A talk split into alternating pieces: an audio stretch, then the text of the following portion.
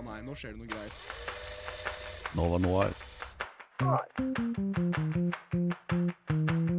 Lyden av film. Jeg forventa Bas Luhrmann og fikk Bas Luhrmann. Stopp en hal, nå skal vi begynne å leke. Det skal være visuelt bra. Jeg har sett eh, tre filmer. Morbin, Morbin, Morbin, Morbin. Nova Noir. På Radio Nova.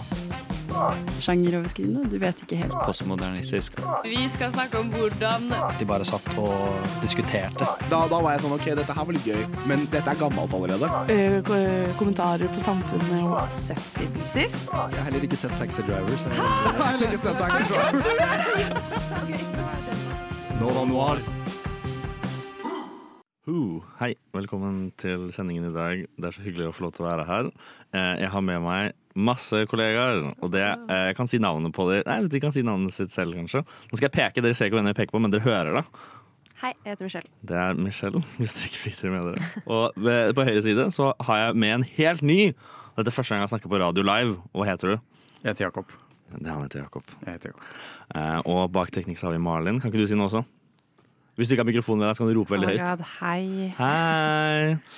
Tusen takk, vi er veldig takknemlige for å ha en tekniker med oss i dag. Vi skal ha en ordentlig dypdykk inn i historien bak en av de største sci-fi-franchisene i hele verden, nemlig Dune. Og vi begynner veldig snart med eh, liten sånn oppsummering av boka og av hele historien rundt boka. Eh, Før vi går inn i eh, de forskjellige filmatiseringene av, eh, av Dune. Så det blir en veldig tørr sending. Hey. Nei. Eh, Michelle, du lo ikke av den. Eh, dette kan du jobbe med til neste gang. Eh, men det blir ikke tørr, fordi eh, den det er kjedelig, for det blir den absolutt ikke. Men før vi eh, går hodet i sanda Nei, jeg vet ikke, nå bare surrer jeg, ass. Eh, så skal vi høre litt på hva.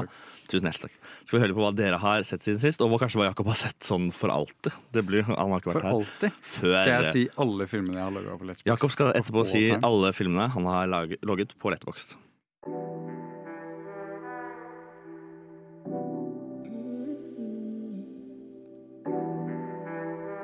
Nova, Nova, Nova Nova.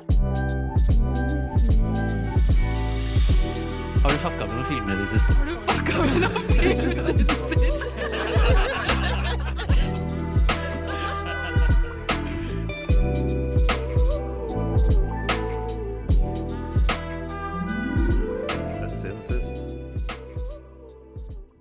Yes, yes. Eh, sist inn, først ut. Jakob, hva har du sett eh, i det siste, kan vi kanskje si? I det siste så må jeg si at uh, Dune har vært uh, hovedfokuset. Eh, men vi skal ikke snakke om Dune nå, Fordi det kan vi snakke mer om senere i sendingen. Så akkurat nå så har jeg lyst til å kaste lys på en, en film jeg så på lørdag, eh, som heter Skyscraper. Med Dwayne Johnson. En skikkelig, skikkelig drittfilm. Det hørtes helt forferdelig ut. Det her er på en måte et resultat av eh, meg og to kollegaer som har et slags rituale om å se drittfilm og bare prate piss rundt det. Eh, og Skyscraper var en svært god kandidat til eh, det konseptet. Vi koste oss ekstremt mye med Skyscraper. Eh, Dwayne Johnson er jo bare veldig morsom. Eh, Det er ingen som har mer erfaring med å spille seg selv. ikke sant? Uh, han, går, han går rundt og er Dwayne Johnson og hopper, over, hopper opp på den der skyskraperen og gjør alle de crazy greiene. Og det bare ser så dumt ut. Det er dumt, men det er veldig gøy. Jeg elsker dumme ting. Michelle, har du sett en dum film i det siste? Ehm, ja, det har jeg. Uh, May December. Uh, ikke den jeg vil prate om. Nei, nei, nei. jeg sett en annen uh, Mange syns den kanskje er litt dum. men Jeg syns den var helt fantastisk. Burn After Reading. Ja, jeg for første gang. Jeg har hørt om den, jeg har ikke sett den. Jeg tror den er veldig bra. Ja, men jeg syns den var jævlig lættis. Altså, det var ikke noe Jeg vet ikke, Det er et eller annet med Brad Pitt som bare spiller en dum person. Eller essensielt kanskje er seg selv. Hvem vet? Jeg kjenner ikke Brad Pitt, så det kan jo være at det er sånn han er. Kanskje han bare er skikkelig god til å spille skikkelig Kanskje. kule folk til vanlig. Hvem vet? Eh, Eller han er jo ja, jævlig kul i denne filmen nå. eh, Og Frances McDormand er jo helt fantastisk. Um, jeg vet ikke, Den bare talte så sjukt til meg. Um, og som jeg skrev på Letterboxd, hvem enn som har bestemt at Brad Pitt videre har spilt i sånne filmer som World War Z, eller hva faen den het. Sånn, why? Det her er hans perfekte rolle. Han må alltid spille himbo.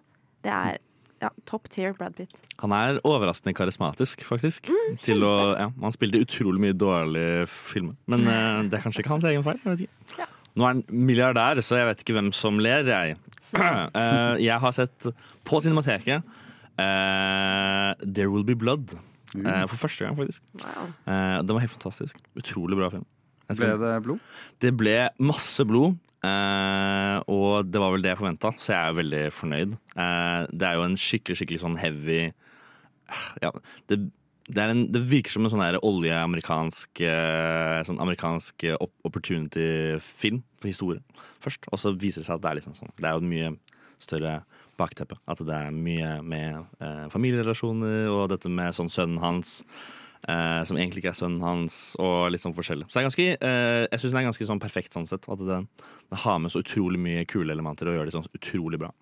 Og så skuespillerne er jo alle sammen helt eh, fantastisk. Daniel Day-Lewis. Jeg syns det var litt rart at den het Daniel i filmen. Jeg vet ikke om det fucka litt med meg. At det, det følte at han var litt for mye Daniel. Fordi han, han er Daniel Day-Lewis, som er så sykt utrolig kjent for å være så flink skuespiller. Og så skulle han også hete det. Det var kanskje ikke helt min greie. Men har dere sett den filmen? Jeg har sett den. Eh, jeg må innrømme at den traff ikke meg sånn veldig hardt eh, Mm. på første viewing. Men uh, hører at det er, eh, det er en film som jeg må kanskje gi en ny sjanse. Egentlig generelt med uh, han eh, Paul Thomas Anderson. Mm. Det er regissøren, ikke sant? PTA, ja. Uh, har liksom aldri tro, grepet meg helt, han. Jeg har ikke sett noe særlig av han, men uh, nå har jeg veldig lyst til å se mer. Har du sett uh, The Ruble? Nei, Har du sett noe av Paul Thomas Anderson? Jeg tror det, men jeg husker ikke hva det er. Nei, Eh, et eller annet. Et eller annet. Nei, men jeg er ganske sikker på vi er, ja. mm. Boogie Nights, høres du sett den? Nei, men Nei. det er topp på lista Ja. av alt jeg skal se. Det er kanskje min favoritt. Sånn. Ja, det er det. Så til neste gang så skal vi se Boogie Night, eh, og nå skal vi begynne med Dune. Spoilere kan forekomme.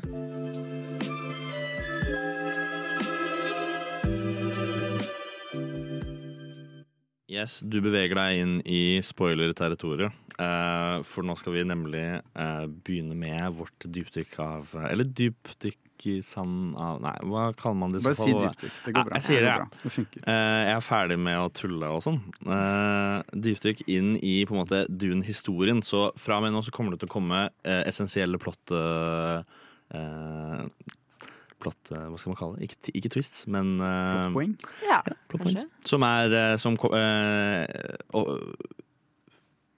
dukker opp i løpet av historien. Så bare følg med. Pass på. Eh, vi skal begynne med en liten oppsummering av boka, eller generelt historien. Og da eh, begynner vi med Paul Atreides fra House Atreides. Og eh, han er satt til å kanskje potensielt være en eh, Messiah for da Eller kanskje ikke det er der vi burde begynne? Her, det er så mye greier. Jeg lurer på om vi må begynne å si at Dune er litt sånn som Game of Thrones in Ja. space. Det er en, god det er en sånn god inngang. Det er en god oppsummering. Eh. Og alt handler egentlig om denne planeten Arrakis som eh, hvor man kan eh, hente eh, spice, eller krydder. Spice melange. Spice melange. Hvis, eh, og jeg er veldig glad for at de ikke sier så mye spice melange i de eh, nye Dune-filmene, for det høres veldig rart ut. Eh, og dette er da det som gjør space travel mulig.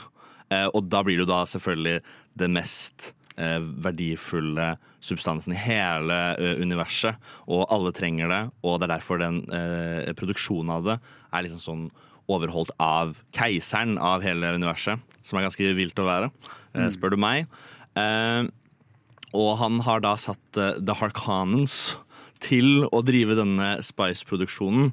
Eh, men det endrer seg da han overfører det ansvaret til da House of Tradies, eh, hvor Paul er da sønnen til eh, faren hans. Er det noen som vet hva han heter igjen? Duke Lato. Duke Lato, Ja, det fikk jeg presentert begge to. Veldig bra dere følger med. Eh, eh, I et sånt politisk spill så får han da denne eh, oppgaven, og det er jo ment at han skal feile. Fordi keiseren er da sjalu eller, eller redd for da eh, dette huset, Atreides-huset, som eh, vokser seg veldig sterkt og veldig populært i, i eh, det store galaksen. Så de tar over da denne produksjonen av krydderet. Og det er jo en utrolig eh, enkel, enkelt bilde på eh, Amerikas sånn inngrep i Midtøsten for å, og hvordan de tar over oljeproduksjonen og tjener masse, masse penger på å okkupere land. Det er litt det samme som skjer da i denne eh, historien. Så det er veldig sånn enkelt bilde på det. Hva er det, er det sånn, sånn Kan noen ta over litt uh, hvor vi skal hen her? Og så Eh, si hva de videre i historien? Videre historien. Eh, jo, altså ehm, Det som skjer da, er jo at uh, Paul uh, Eller uh, Atreides-huset blir jo Det angrepet. Det faller uh, av House Harkonnen i, det her, i et sånt en sånn inside job. Um, og Paul og moren, moren hans, Jessica, blir, blir nødt til å flykte ut i ørkenen. I ørkenen så er jo urbefolkningen eh, The Fremen. The Fremen, eller Frimenn, som det er på Ja. norsk. Eh, og hele eh, Og det som skjer da, er jo at eh, han Eller de to blir tvunget til å på en måte lære eh, å bo i ørkenen og være natives. Eh, de lærer å ri på disse store sandormene som er ja, The Fremen Ways. Um, skal vi si åssen hele historien slutter, eller skal vi holde litt sånn Jeg tror eh, vi holder oss fra å si hvordan hele historien slutter for øyeblikket. Men jeg tenkte en ting som er litt viktig å ta opp, er jo at eh, eh, de er alle sammen en del av en sånn ganske sånn stor eh, intergalaktisk konspirasjon eh, som har plantet eh, Det er så mye informasjon, det er helt vilt. Eh, som har plantet eh, Hva skal man kalle det? Eh, Eh, Jeg, jeg, Hva er- kan ta over. eh, ja. Fordi det er jo eh, Litt sånn i skyggene av det universet her, så er det en klan som heter The Bene, Jesuit Bene Gesserit-klan. ja, som på en måte er Eh, Illuminati, da. I, Det er det Illuminati Ja. i Dune-universet. Og de eh, eh, ønsker jo å på en måte avle fram en slags, et slags sånn supermenneske. Som, altså Målet deres gjennom hele uh, serien er at de vil ha kontroll over et supermenneske som kan se inn i framtiden. Og de vil ha den til å være på tronen. Eh, fordi de mener at den personen da vil kunne uh, styre all politikk eh, på den mest optimale måten. Eh, og de har også gått rundt og planta frø hos mange eh, sivilisasjoner for mange, mange år siden. Om, og, og sagt at uh, her kommer det til å komme en Messias som kommer til å komme og frelse dere. Og Paul blir jo på en måte en, en brikke i et sånt spill. Eh, Fordi når han uh, kommer til The Fremen, da, um, da begynner jo de å se tegn til at han kan være denne Messiasen. Man kan kanskje si at de ser litt det de føler de vil se. Eh, og i, sånn som vi tolker i boka, så er jo eh, Paul faller litt inn og spiller veldig med på dette prinsipp, eller sånn, dette plottet at han er en Messiah. Og om han er det eller ikke, det er ikke så viktig for han, men han må spille den rollen uansett for å liksom oppnå det han har lyst til å oppnå. Og det er kanskje litt eh, Det er sånn over, overall hva historien handler om. Det er, det er utrolig mye mer også, bare så det er sagt. Det er så mye informasjon i disse bøkene, og det er så mye det handler om, at eh, det er helt umulig å, å, på en måte oppsummere alt sammen nå. Men jeg, ja, vi gjorde så godt vi kunne. Og så får vi, får vi heller gå mer inn på de mer spesifikke tingene underveis. Og så håper jeg dere har eh, sett filmene vi skal se. Og den første filmen vi skal snakke om, er Dune av David Lynch. Har du huska å høre på Nova Noir? 10 til 12 hver torsdag! Nova Noir. Torsdag 10 til 12. Ja, ja. Dune har sagt å være umulig å adoptere, og David Lynch i 1984 bestemte seg for å bevise at det er helt sant. Eh, denne filmen, som vi så sammen i går, eh, er kanskje en av de verste filmene jeg har sett i hele mitt liv. Det må jeg helt ærlig innrømme. Og jeg er synes bål, altså. Ja, og jeg, jeg, jeg mener det. Eh, Topp sånn 100, selvfølgelig. Men altså sånn allikevel. Det er på bånn av lista over filmer jeg har sett. Og jeg elsket å se på den. Jeg synes den var så gøy å se på. Uh, uh, så jeg tenkte sånn bare Michelle, hva er det Du så jo ikke den med oss, Nei. så jeg fikk ikke live-reaksjonene dine eh, på disse forferdelige forferdelige tingene som skjedde i denne filmen. Kan ikke du fortelle meg litt om hva ditt inntrykk var når du først liksom bare Ja. Følelsene du hadde? av For du så jeg så denne i dag tidlig. Um, Sto opp klokken syv. Psycho. Jeg veit. Satte den på. Umiddelbart bare sånn OK, hva er det jeg ser på? Åpningsexposition. åpnings uh, bare sånn, Ja. det, det, At den er så er, lang. det det er så lang! Og så er det sånn, kommer tilbake sånn. By the way. Det var min favoritt. Jeg holdt på å le meg i hjel av ja. det. Sånn, she's gone. Oh, No, she's not. hun er tilbake. Det var litt opplevelsen av å høre deg forklare Dune i stad. Ja, det ja, faktisk. Det var liksom, by the way. Minte meg litt om eh, Rocky Horror Picture Show-åpningen. Med leppene, hvis dere har sett. Ikke sett. Sorry. sorry. Uncultured. Ja, Ja, beklager, Men det er ikke det vi skal prate om i dag. Men jeg syns altså, den var jo helt vill å se på. Og jeg eh, vokste opp med å se på Doctor Who. Jeg var helt obsess med Ja. det da jeg var liten. Um, og enten så har eh, David Lynch tatt inspirasjon fra Doctor Who, eller så har Doctor Who tatt inspirasjon av David Lynch. Um, Kanskje begge har tatt inspirasjon fra kokain. det er Ja. også fullt mulig. Et, berg av det. Ja. Um, så jeg, jeg kjente meg litt hjemme på en måte når jeg så den. Jeg var sånn, ah, det er litt koselig, da. Det er jo helt vilt. Det er kjempeteit. Så dårlig grafikk og alt sånn, men nei, det er litt koselig. Ja, nei, jeg, kan, eh, jeg skjønner hva du mener, eh, og det føles kanskje litt som hjemme. Men eh, du har sett den her før, Jakob. Hva, eh, hva er dine tanker rundt denne filmen sånn generelt? Sånn, det, det første jeg tenker på, er at OK, men det her er jo egentlig, per definisjon, en veldig øh, trofast ad adopsjon. Eh, han- Historiemessig, historiemessig så tar han veldig mye ting rett ut fra boka. Um, ting er designa på samme måte som det er beskrevet i boka. Harkness har eh, rødt hår, Uh, alt det der, ikke sant? Men så er det jo på en måte en, en påminnelse på da at uh, en, en god eh, adopsjon, adopsjon, et ord vi lærte i stad, Ja, eh, er ikke nødvendigvis bare å ta ting én til én. Um, for det er jo veldig mye her som er veldig rart. Veldig Eh, rart. og som jeg skjønner hvorfor folk sier at det ikke funker på film.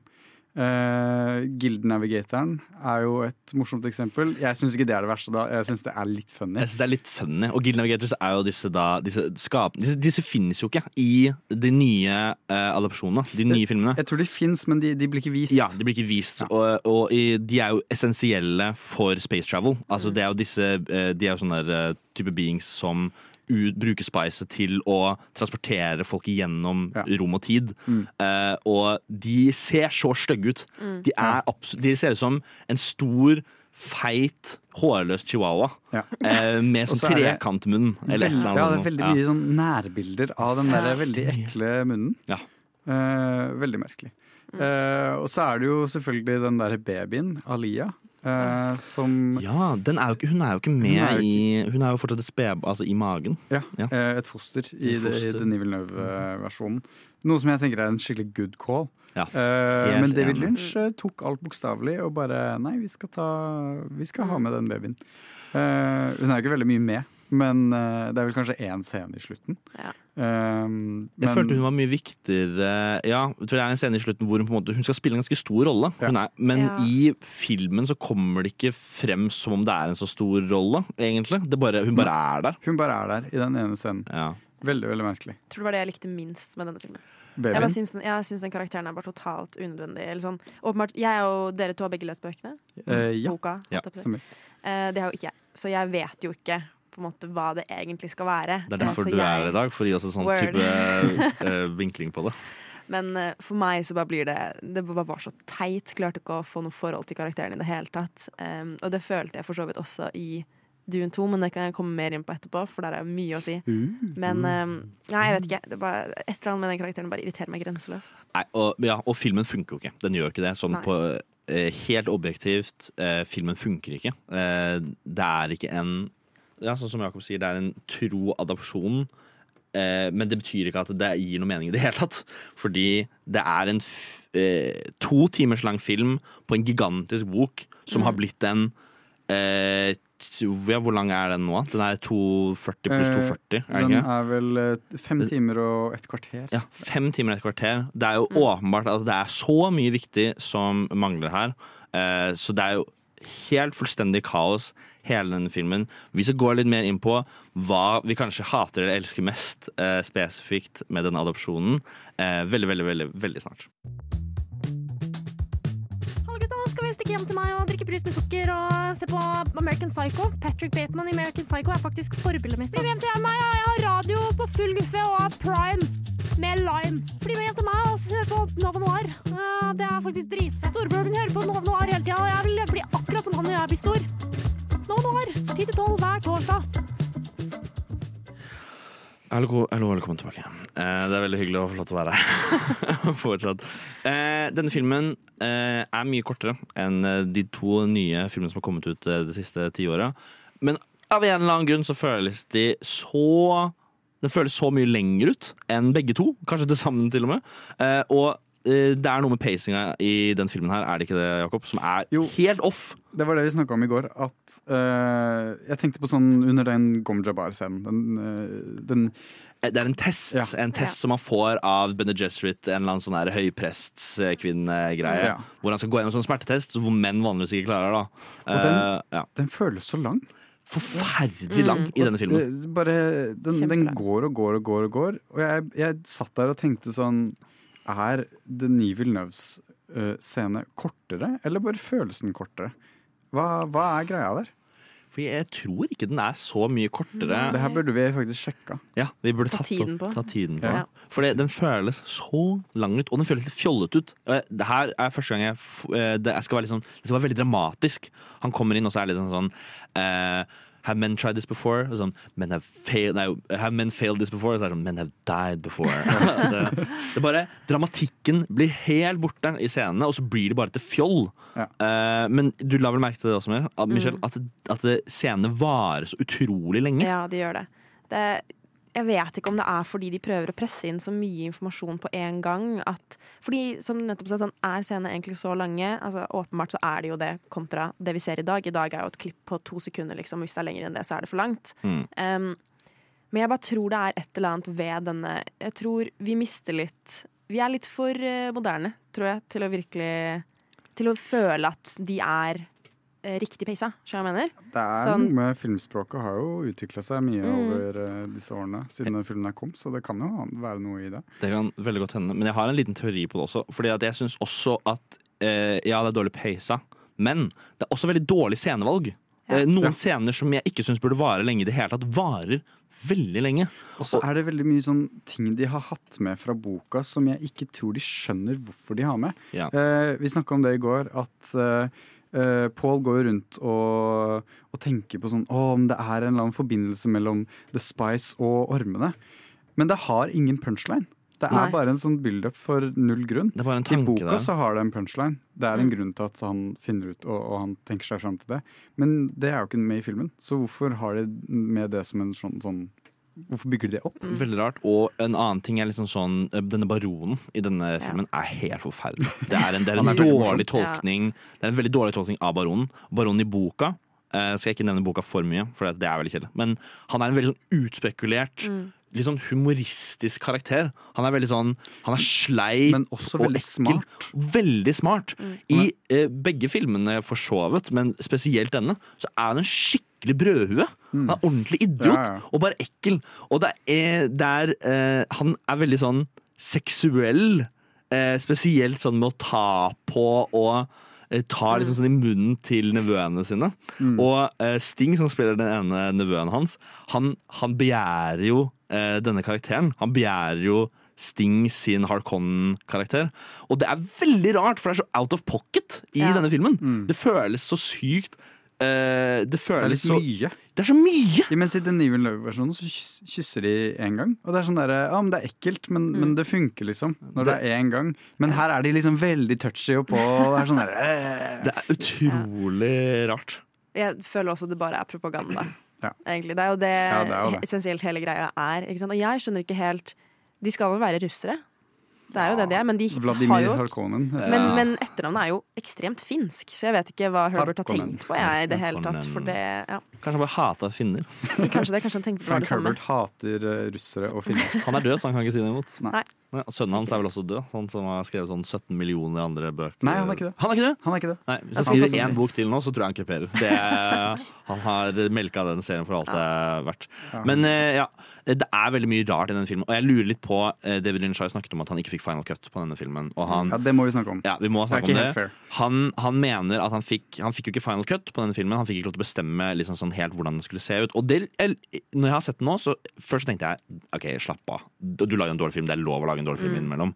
Men når jeg ser den filmen nå, så er jeg veldig sånn Det ser ikke ut som en filmskaper har valgt hvilken rekkefølge disse tingene skal være i. Nei. Eh, disse scenene er for lange, og de er helt ubrukelige. Disse scenene er for korte. Ja, det var veldig få scener som var for korte. Men uh, du skjønner hva jeg mener. Ja. Siste halvtimen er for kort. Siste halvtimen er altfor kort. Eh, det er så mye som jeg føler mangler. Og eh, Michelle, du snakket om hvor Mm. lang den egentlig skulle være. Eh, jeg mener å huske at den skulle være rundt tre timer lang. Um, Og så var det jo da en intern feud liksom, mellom um, De Laurentiis uh, og Lynch. Eh, og De Laurentiis hadde final say og sa nei, det her er for langt, så vi kan ikke ha tre timer for dagens publikum. Liksom. Det går ikke i det hele tatt. Um, så da måtte Lynch bare bøye seg holdt jeg på å si, for det. Eh, og så ble det det det var. Det gir veldig mening når du Ja. sier det nå. At eh, Mm. jeg føler det er veldig mye som mangler. Uh, og det som mangler, det må ha da blitt byttet ut med Ja. Helt ubrukelig informasjon som vi får. Mm. Men Du sånn får- jeg føler ikke at Lynch er den mest unaturlige valget for en regissør av det universet her. Uh, Dune er jo veldig sånn derre psykedelisk og liksom drømmeaktig og alt sånt der. Det, det passer jo på en måte Lynch sin, sine andre filmer. Så det er jo tydelig at han ikke fikk, eh, fikk det som han ville, da. Når den filmen her ble som den ble. Definitivt. Men uh, det er jo mye i regien her som også er veldig dårlig. Uh, og det, det, jeg føler det er mye dårlig valg gjort her. Absolutt. Uh, ja. Så det er ikke bare liksom klippingen. Klippingen er kanskje det verste. Eh, fordi hele den siste slåss Det er en sånn, ganske sånn stor sånn slåssscene mot slutten. Jeg skal ikke si liksom sånn akkurat hva som skjer, men den scenen er så slitsom. Og det er så mye bråk. Det er så mye bråk og eh, høye, skarpe lyder. Og det er bare en dårlig satt sammen slåssscener. Koordinert sånn helt forferdelig. Eh, og alt det gir meg Jeg, fikk, hadde seriøst feber etter at jeg var ferdig med den, den filmen. Eh, og det er en ting til i denne eh, som er litt sånn rart, og det er dette våpenet. Det er ingen som er mer white savior enn Paul Atreides i denne filmen. Og han kommer og gir dem et våpen. Og hva er det dette våpenet, Jakob? Fortell meg om dette våpenet. Fordi dette våpenet fins ikke egentlig, gjør det ikke det? Det fins ikke i boka. Nei.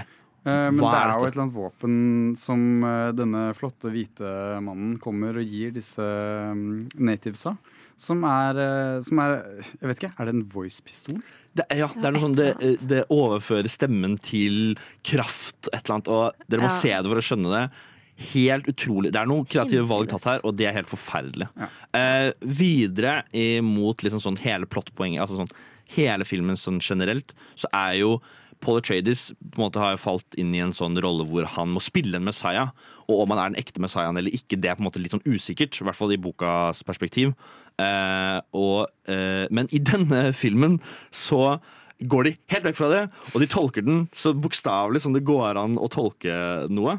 Og eh, Paul viser seg å være 100 eh, en ekte Messiah. Og filmen har en veldig sånn rar slutt hvor det liksom er sånn Alt er bra. Alt er bra. Og, ja. Og det tror jeg er det verste med den filmen. her At den totalt misser poenget som, som boka har. Boka er jo en slags sånn stor advarsel Mm. mot karismatiske politiske eh, og religiøse ledere. Mm. I slutten av denne filmen så blir jo Paul the white Saver. Han, han frelser jo alle disse The Fremen. Ja, og så begynner det å regne. Og så begynner det å regne. Det var det verste. Så dumt! Det er helt idiotisk. Det er så idiotisk. Nei, jeg gleder meg til å snakke om det Nivel. Ja, det gjør vi alle. Nå har vi eh, kjempet oss gjennom den harde bakhistorien til eh, Dune, og vi skal til litt eh, lysere tider. Jeg gleder meg så sykt til å komme fram til hytta. Ja, det blir sykt gøy, ass. Ja, det er rett der oppe, faktisk. Jeg ser det nå. Wow. Skal dere virkelig opp dit? Du vet at eh, radioen funka ikke der oppe. Dere får ikke hørt på Nova Noir.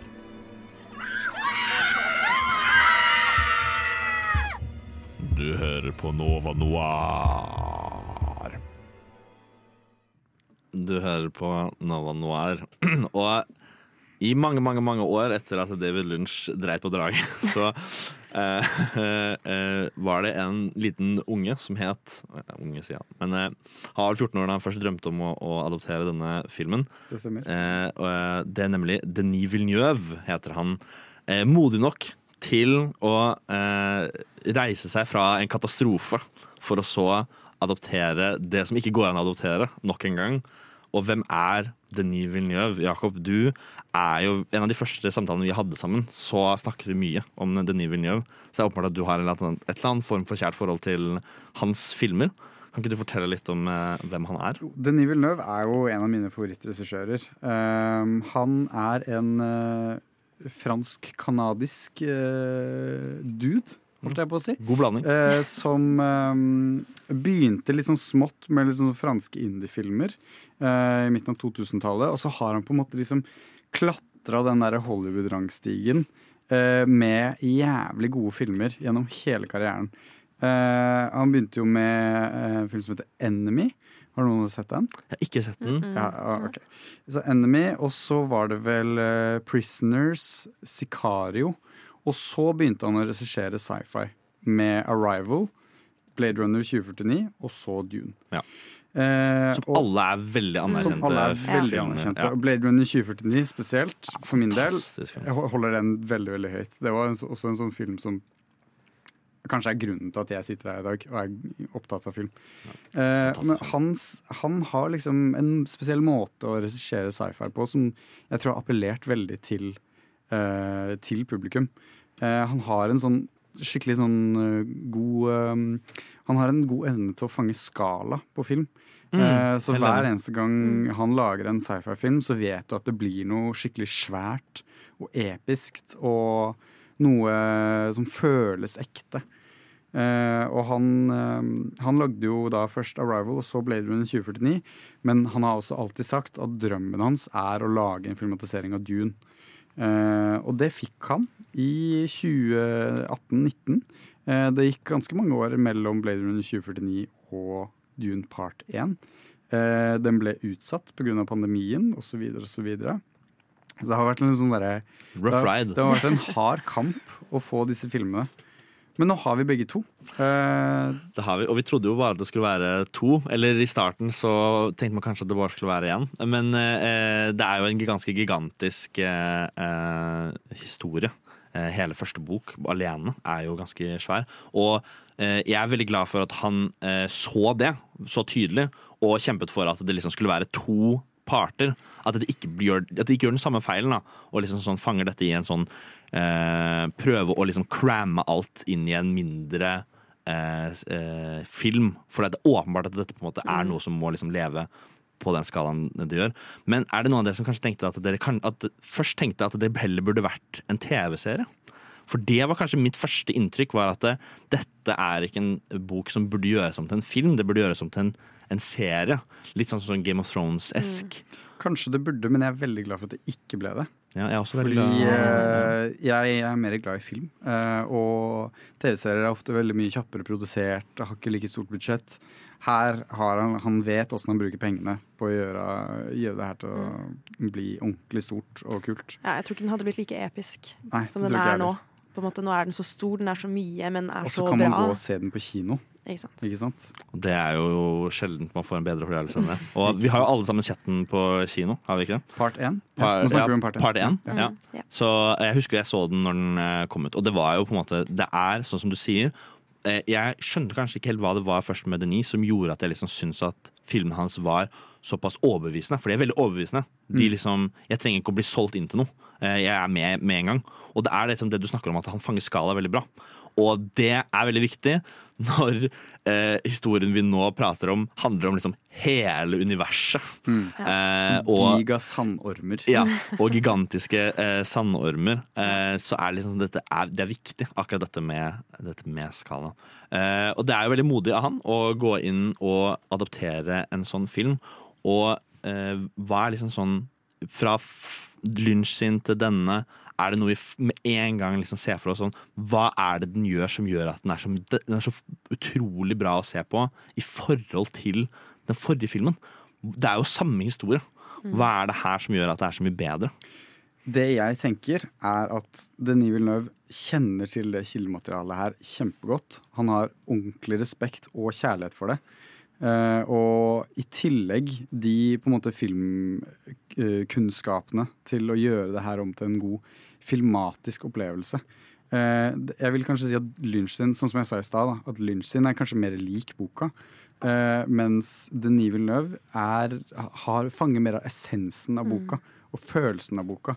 Eh, den er mer Den passer bedre opp mot, opp mot Og de passer bedre opp mot hverandre. da.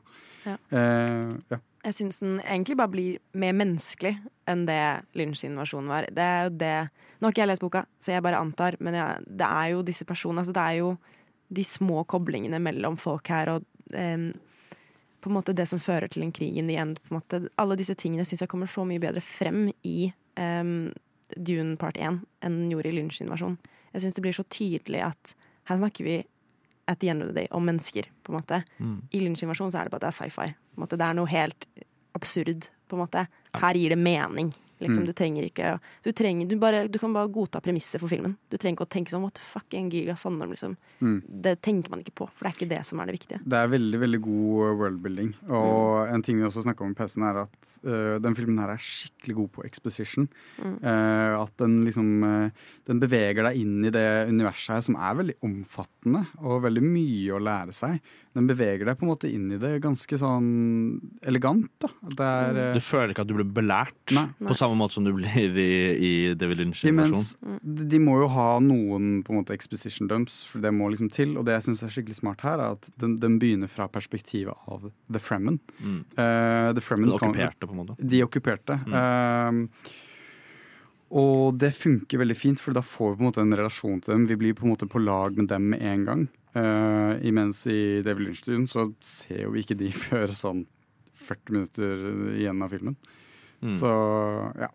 Nei, det er definitivt eh, De forteller den, den, den lille historien veldig bra eh, i, i denne filmen. Altså sånn relasjonsmessig så er den ganske solid.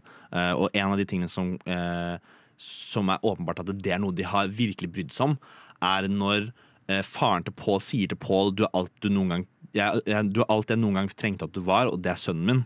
For det, det er ikke med i boka. Mm. Eh, Det er ikke noe han sier i boka. Eh, og i boka så er han veldig sånn frastøtende. Altså sånn, de snakker ikke så mye med hverandre. Det er mye Mm. mer indre dialog og sånn. Så det er viktig at i en film hvor det ikke går an å ha indre dialog, åpenbart, det hadde de i David Lynch-invasjon, funka ikke i det hele tatt, at de har litt sånn andre måter å vise denne, disse ulike relasjonene på. Mm. Eh, det eh, eh, blir liksom sånn vår del én av eh, denne filmen. Så skal vi litt mer inn i eh, spesifikke detaljer. Good morning, Nova Noir!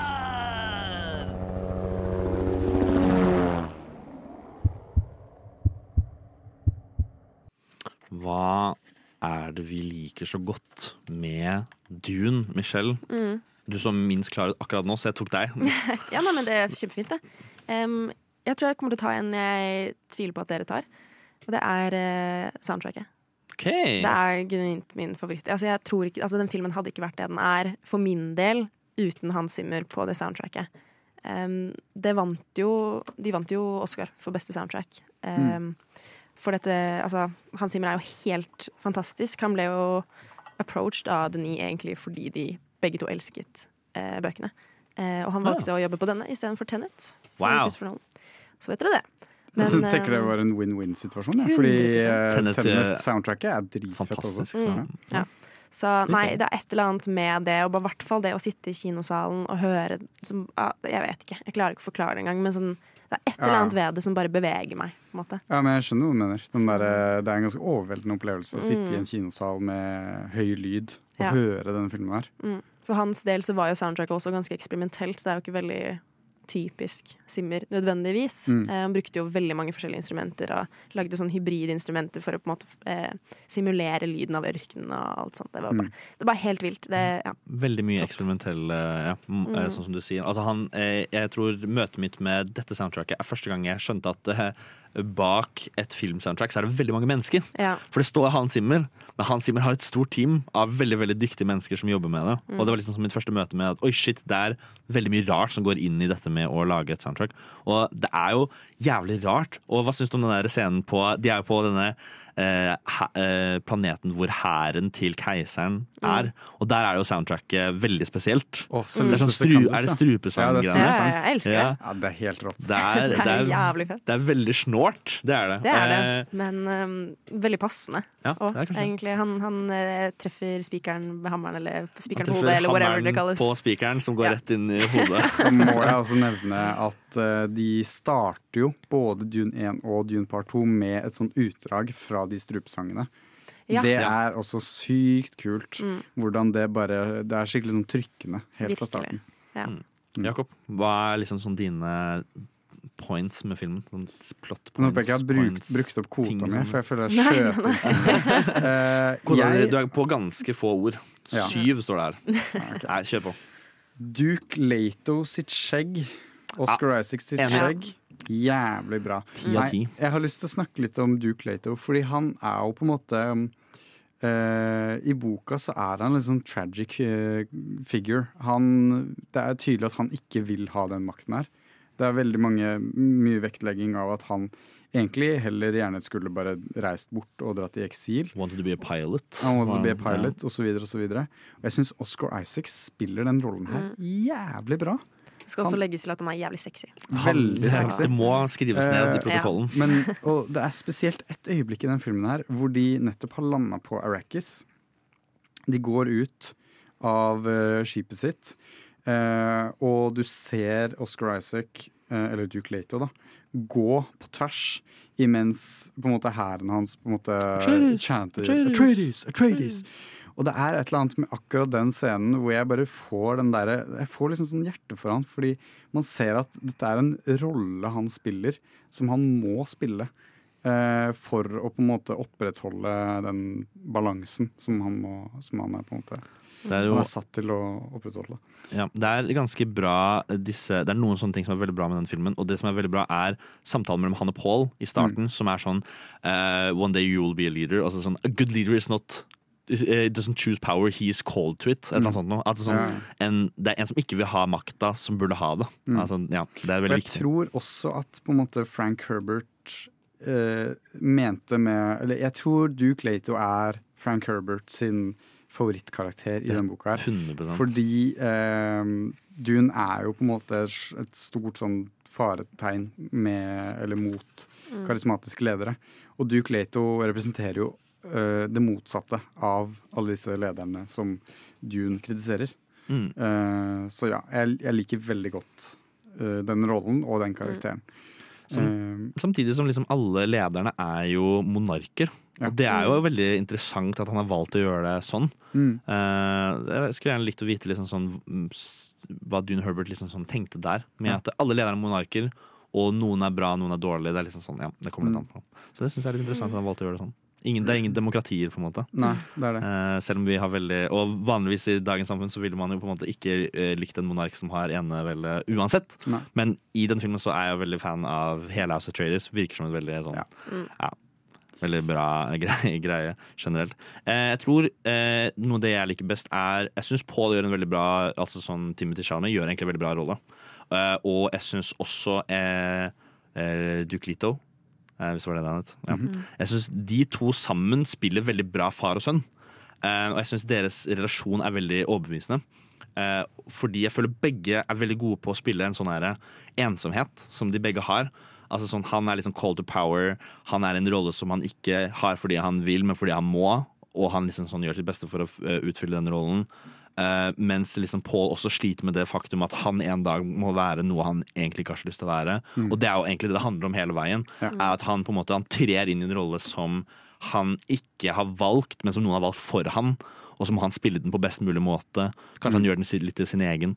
Men det, jeg, det liker jeg veldig veldig godt med den filmen. Jeg synes, eh, Etter at jeg rewatcha den, og kanskje liksom sånn, eh, hørt litt mer på hva en manusforfatter sitt synspunkt på denne historien er, så setter jeg veldig pris på de to, og at de to spiller sin far og sønn veldig overbevisende sammen. Mm. Så det er kanskje noe av det jeg likte med, best med den første. Mm. Men det er jo noe å kritisere her også, er det ikke det? Er det ikke noen av dere som har noe å komme kan, med? kan jeg snakke om ting jeg liker først? Igjen? Ja, ok, jeg greit. Altså, jeg beklager, jeg kan snakke om en ting han liker, Eh, først. Jeg bare igjen nevner skalaen på den filmen her. Hvordan alle romskipene føles så enorme ut. uh, hvordan Denis plasserer mennesker opp mot de svære tingene. Spesielt det ene shotet med Spice Harvesteren. Og de, Ja. du ser de Mm. løpe. Kameraet zoomer ut. De er knøttsmå, små maur. Mm. Og så ser du ormen bare stige opp fra sanden.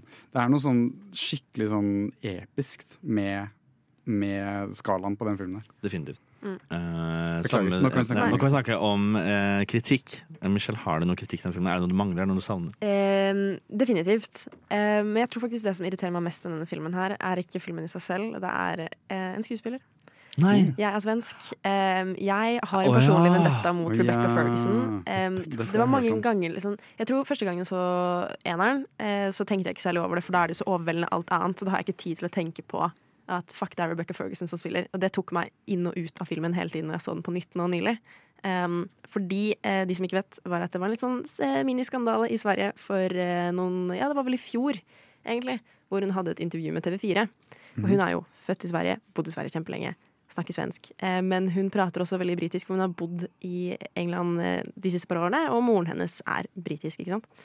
Så var det et intervju em, med en svensk journalist, og journalisten var sånn Nei, men kan ikke vi ta dette på svensk, liksom? Rebecca, du er jo svensk. Whatever, liksom. hun, er, hun er hyggelig, liksom. Mm. Og Rebekka er en total bitch tilbake. Jeg er sånn, Oi. Nå setter du meg i en forferdelig posisjon. Jeg er så dårlig på svensk, jeg har ikke en riktig mindset, bla, bla, bla. Yes. Og nå begynner hun å gå rundt og snakke og sånn Å, sorry, jeg husker ikke hva dette ordet er på engelsk, for jeg er svensk, ha-ha-ha. Så har hun totalt endra seg. Det har ingenting med Dune å gjøre, eh, men det irriterer meg så mye. Generelt bare Jeg skulle bare, bare håpe at noen andre spilte den karakteren. Hun spiller den bra, men bare ah, Det er litt sånn som når jeg ser på Maestro. Og så Bradley Cooper i Maestro. Bare sånn forferdelig fyr. Ja. Uh, jeg tror kanskje det jeg sliter mest med hele serien generelt, men uh, ja, litt denne filmen her, er uh, motivasjonene bak folks handlinger er litt sånn uklare. Eh, og jeg tror fra et synspunkt hvor jeg har lest boka, så går det fint, fordi at jeg vet hvorfor folk gjør de tingene de gjør, hva som liksom er motivasjonen bak handlinger og sånn. Men jeg føler kanskje at man er litt lite motivert i, i filmen. Altså sånn Karakterene utfører handlinger ikke like ille som i David Lynch's versjon. Definitivt ikke. Og her så føles det ut som ting har noe å si. eh, at ting betyr noe når det skjer. Men jeg, jeg føler kanskje at det er en liten disconnect mellom hva som skjer og hvorfor det skjer. Eh, og det føler jeg kanskje kunne blitt eh, ja, Jeg vet ikke om det kunne blitt gjort bedre, men det er det jeg mangler. i hvert fall Hvis jeg skulle manglet noe Men Jakob, du har vel noe kritikk? Har du ikke det? Jeg har noe kritikk, eh, men kritikken min er også litt sånn der jeg skal snakke på vegne av folk. Um, Ja, fordi jeg skjønner de som kom ut av den filmen her og tenkte ja, men jeg brydde meg ikke om en eneste karakter, den var helt sjelløs, den var veldig grå, Mm. alt det der. Det her, Dune part 1 føler jeg er veldig um, en film for sci-fi-nerds. Fordi den gjør alt de sånn sci-fi-tingene så sykt godt. At den worldbuildingen, de sci-fi-elementene som er fete, alt sånt der. Jeg skjønner de som tenkte ja, men det var bare en halv film. Eh, det var bare Mm. Altså, det var, det var ikke noe poeng. Det var ikke Dune part 1 kommer ikke til poenget i uh, Frank Herberts roman. Uh, men ja.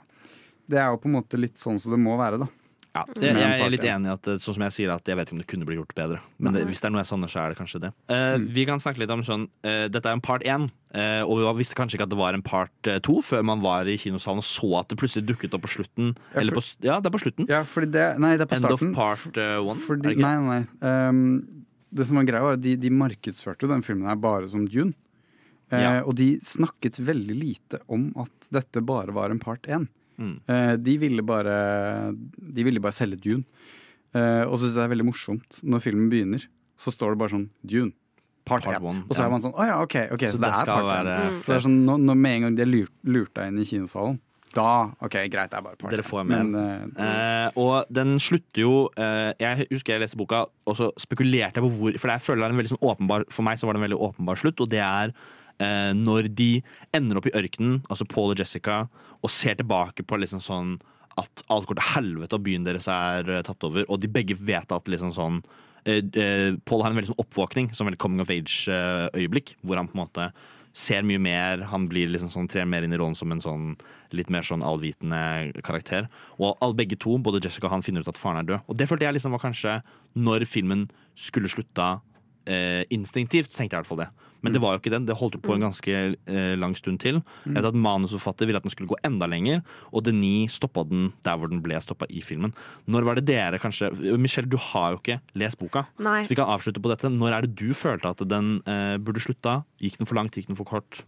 Jeg er jo egentlig helt enig med deg, um, og jeg føler det også sier sitt i det at jeg ikke har lest boka. Uh, bare som en som så Jeg visste jo ingenting om Dune første gangen jeg satte meg ned for å se den. på en måte Og jeg følte instinktivt fra et film, eh, filmperspektiv, på en måte, eller sånn teknisk òg. Bare sånn der du nevner at den burde slutte, er jeg helt enig. Det er, det er den tydelige slutt for meg, i hvert fall. Jeg hater ikke på at den slutta der den slutta nå, eh, men den kunne definitivt ikke vært lengre. Eller sånn slutta lengre bak i historien da. Det tror jeg ikke hadde gått på samme måte. Jeg tror toeren også hadde stilt seg opp til litt vanskelig start. Ja. Og jeg tror, jeg tror mye av grunnen til at den slutter der hvor den slutter i filmen, er fordi det skal komme en part to. Mm. Eh, og at det ikke skal være tre filmer. Så Ja. Hvis det skulle være tre filmer, så føler jeg den burde slutte tidligere. Men siden det er to, så skjønner jeg hvorfor de avslutta den der de avslutta den. Vi eh, Snakk om, snakk om avslutning. Vi må faktisk avslutte denne delen av sendingen nå. Og når vi kommer tilbake, så er vi et eh, annet medlem som skal anmelde en film. Nemlig Sex, som hun har vært på en pressevisning og sett.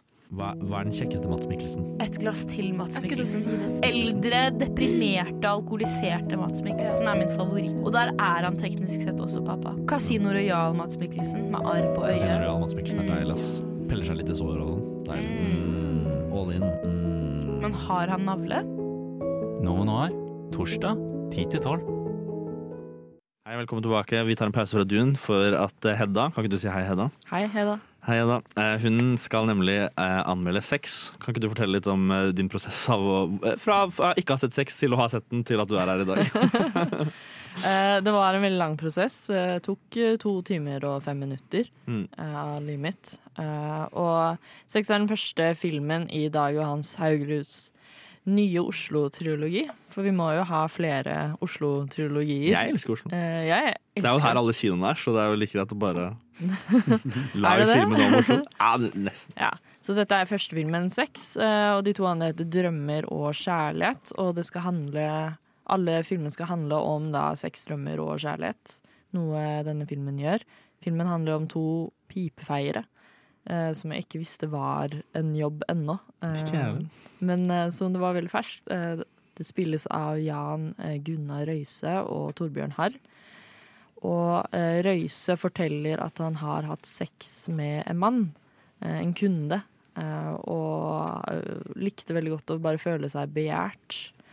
Og liksom hvor deilig det var å føle seg ønsket. Men så driver han også gaslighter alle i filmen på at han ikke har vært utro, for det var en mann, og det var jo bare sex. Ja, det er litt svakt å prøve på i 2024, ass. Ja, og så på lik linje så har Torbjørn har sånn eh, semi-sexdrømmer om David Bowie. Eh, som ser på han som en kvinne, men også ikke en kvinne, bare ikke en mann. Og det er liksom bare to menn, eh, to pipefeiere, som driver og reflekterer rundt det og føler seg begjært, og hvordan det er å være på andre siden av det. Som er egentlig veldig kult. Men eh, Nei, du har jo også sett den. eh, Ja, jeg har sett den. hva syns du om den? Jeg uh, liker den også egentlig veldig godt. Uh, jeg forventet at jeg skulle hate den, fordi jeg uh, har sett én film av Dag Johan Haugerud. Det er 'Barn'. Den elsker Anne. Ja, jeg syns ikke den ja, Den traff ikke meg, i hvert fall. Så jeg gikk inn med ganske lave forventninger om at jeg skulle synes det her var sånn teit. På mange måter så er det jo litt teit, for det, men, men samtidig så er det liksom er også veldig morsomt, hvis man bare klarer å se litt sånn humoren i det. Eh, jeg så den også på en pressevisning eh, med masse gamle gubber i salen. Eh, jeg tror jeg var den eneste som lo, og jeg lo egentlig ganske mye. Ja.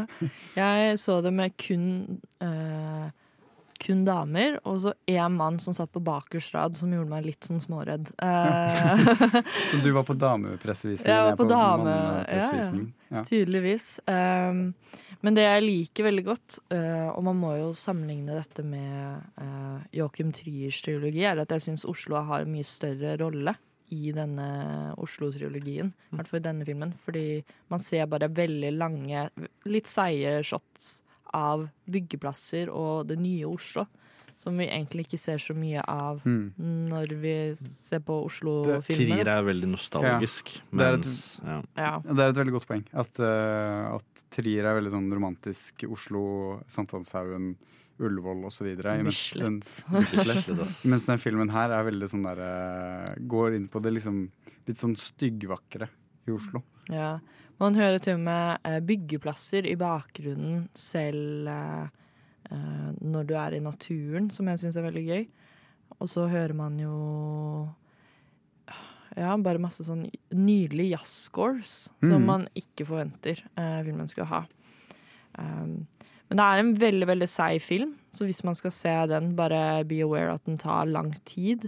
Uh, jeg tror ikke det var før time to før jeg liksom virkelig fikk interesse i alt. Men det tror jeg også kom litt fra at jeg så på klokka, og så tenkte jeg ja, men nå skal jo filmen slutte snart, og jeg må se konserten til Torbjørn Harr.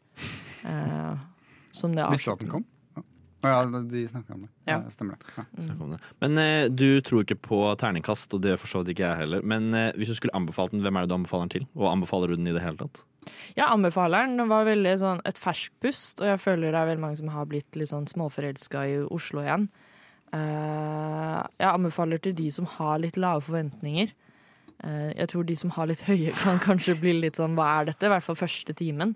At man driver liksom og tenker uh, hva i alle dager? Og i hvert fall folk med tålmodighet. som liker litt sånn seige filmer og jazzscores. Ja. Hedda anbefaler denne til alle som har lave forventninger. Det synes jeg er en bra Lave forventninger. Det er en eh, good note to end on. Al- Tusen hjertelig takk for at hæ? Alle som liker sex. Alle som liker sex, eh, se se gjerne denne filmen. Ikke forvent mye sex.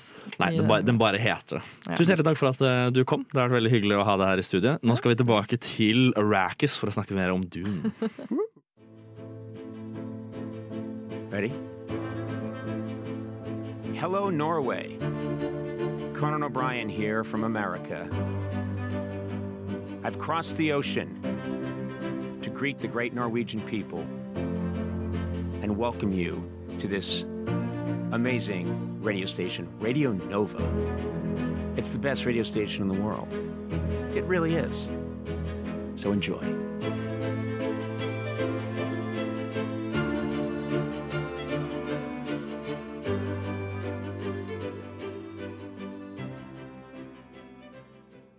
Tusen takk, Con Conan Bryan, for den fine introduksjonen. Vi eh, hopper videre til part to. Eh, kanskje den mer actionfylte av eh, søskenparet eh, når det kommer til disse filmene. Eh, vi tar opp igjen er det noen som har lyst til å, for jeg, Hvor er det vi begynner igjen i, i denne filmen? Jeg har det liksom ikke for meg Jeg tror vi må bare begynne med å si hva vi syns. Fordi det her, er en rykende, si det her er en rykende fersk film som vi bare må liksom hoppe rett inn i. Ok. Vil du at jeg skal begynne? Veldig gjerne. For da vil jeg bare begynne å si at jeg er helt Frelst. ekstremt frelst av denne filmen. Uh, jeg syns dette er eh, desidert den beste filmen som har kommet i 2024 så langt. Det er ikke et så langt år ennå. Um, og jeg tror ikke at det kommer til å komme en bedre blockbuster enn Dune Part 2 i år. Og mest sannsynlig ikke på mange. Du har jo det skrevet en nettsak om akkurat det. Ja, det er, det er overskriften på nettsaken min, faktisk. Uh, det her er en sånn sjelden film som både er liksom high art, syns jeg, og samtidig også er en sånn stor, episk Hollywood-blockbuster som mange kommer til å gå og se, og mange kommer til å like. Og ja, for meg så er det her en seier for, for filmverdenen. Mm. Michelle, Mm. er du enig? Er, dette her, er du like frelst som Jakob er? Jeg tror, det, jeg tror det er vanskelig å måle seg sånn sett, um, men jeg synes den var ekstremt bra. Um, jeg hadde egentlig veldig lave forventninger, uh, som jeg gjør til alt i livet. Holdt på eller har til alt i livet. Uh, men jeg ble veldig positivt overraska. Jeg hadde litt dårlige seter, så jeg føler liksom ikke helt at jeg fikk um, den opplevelsen jeg burde ha hatt da jeg Ikke så den. emerged. Nei, Nei. Uh, men det var totalt min egen feil, fordi jeg bestilte billetter for sent. Men eh, jeg tror, ser jeg den på nytt, så tror jeg virkelig at jeg kommer til å sitte, med, sitte igjen med følelsen av å være like frelst som deg, Jakob. På det. Jeg håper det. Ja, jeg, eh, eh, først og fremst så syns jeg dette er en skikkelig kul film. Jeg synes den er kul. Det er kult å se på. Det skjer mye fett. Mye bra eksplosjoner. Mye fete fights. Eh, jeg syns koordinasjonen på disse store fightsa, sverdkampene, er veldig veldig bra. Jeg synes på en eller annen måte så har eh, Frank Herbert klart å lage Det er veldig mange som har prøvd det tidligere, å lage liksom sånn derre eh, litt sånn middelalder møter sci-fi med sverd. Sverd er kult. Sverd er fett. Star Wars på en måte får det til relativt bra, og jeg føler også Dune gjør det jævlig bra når det kommer til dette. Så jeg jeg er veldig glad for at de har liksom sånne, den der menneskelige kontakten i slåssinga. Det syns jeg gjør det veldig dramatisk. Jeg synes Det gjør det veldig veldig kult. Det er veldig mye som da åpner seg når det kommer til eh, hvordan man skal liksom utforme en, en slåssscene. Så jeg synes eh, generelt den er utrolig, utrolig kul, og jeg liker veldig godt å se på den. Eh, så, eh, ja, så jeg er veldig fornøyd. Jeg syns det er veldig imponerende at de har klart å lage eh, en, på to filmer klart å lage en såpass sånn emerged opplevelse. Eh, som man liksom ikke helt har sett siden kanskje Star Wars, faktisk. Den originale trilogien. Jeg tenker Double feature av disse to filmene kommer til å være helt ekstremt tilfredsstillende. Sånn, jeg har hørt Jeg har aldri vært en maratoner, og jeg har hørt veldig mange sånne derre Å, hver gang jeg er syk, så ser jeg Lord of the Rings. Jeg kommer til å se Dune 1 og 2 når jeg er syk fremover. Jeg føler det er kanskje den generasjonen som er sånn 12 til 16 år også. Vil dette her liksom være det nye Star Wars? For det er litt rart, for Star Wars klarte liksom ikke å være sin egen nye Star Wars. Fordi de dreit litt på draget litt for mange ganger.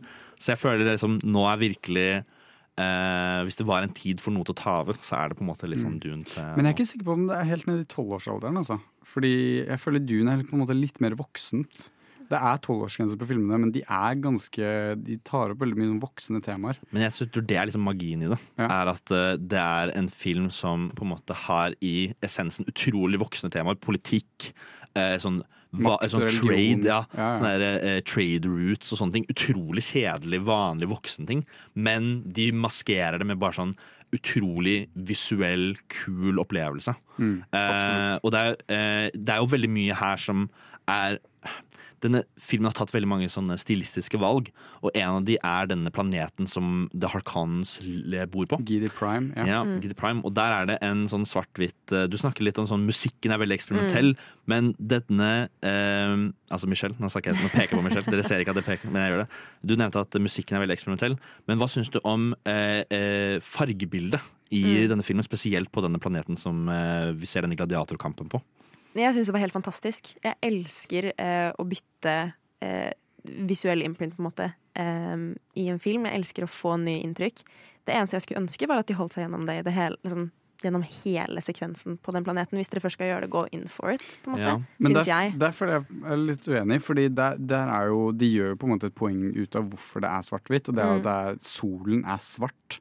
Ja. Sånn at med en gang de kommer ut i solens lys, så Mm. blir alt svart-hvitt. Eh, imens når de går inn igjen, så så, blir det, så blir det på en måte farge. Mm. Det syns jeg var skikkelig smart. Samme med den derre um, uh, solformørkelsen i starten av filmen. Mm. Så er det um, så er det helt sånn knæsj oransje. Og når jeg så det i traileren, så tenkte jeg sånn om det her er en eller annen drømmesekvens eller et eller annet sånt. Uh, men det er det ikke. Det er akkurat sånn det ser ut. Så det funker i filmens kontekst og i, i universet. Det syns jeg var skikkelig bra gjort.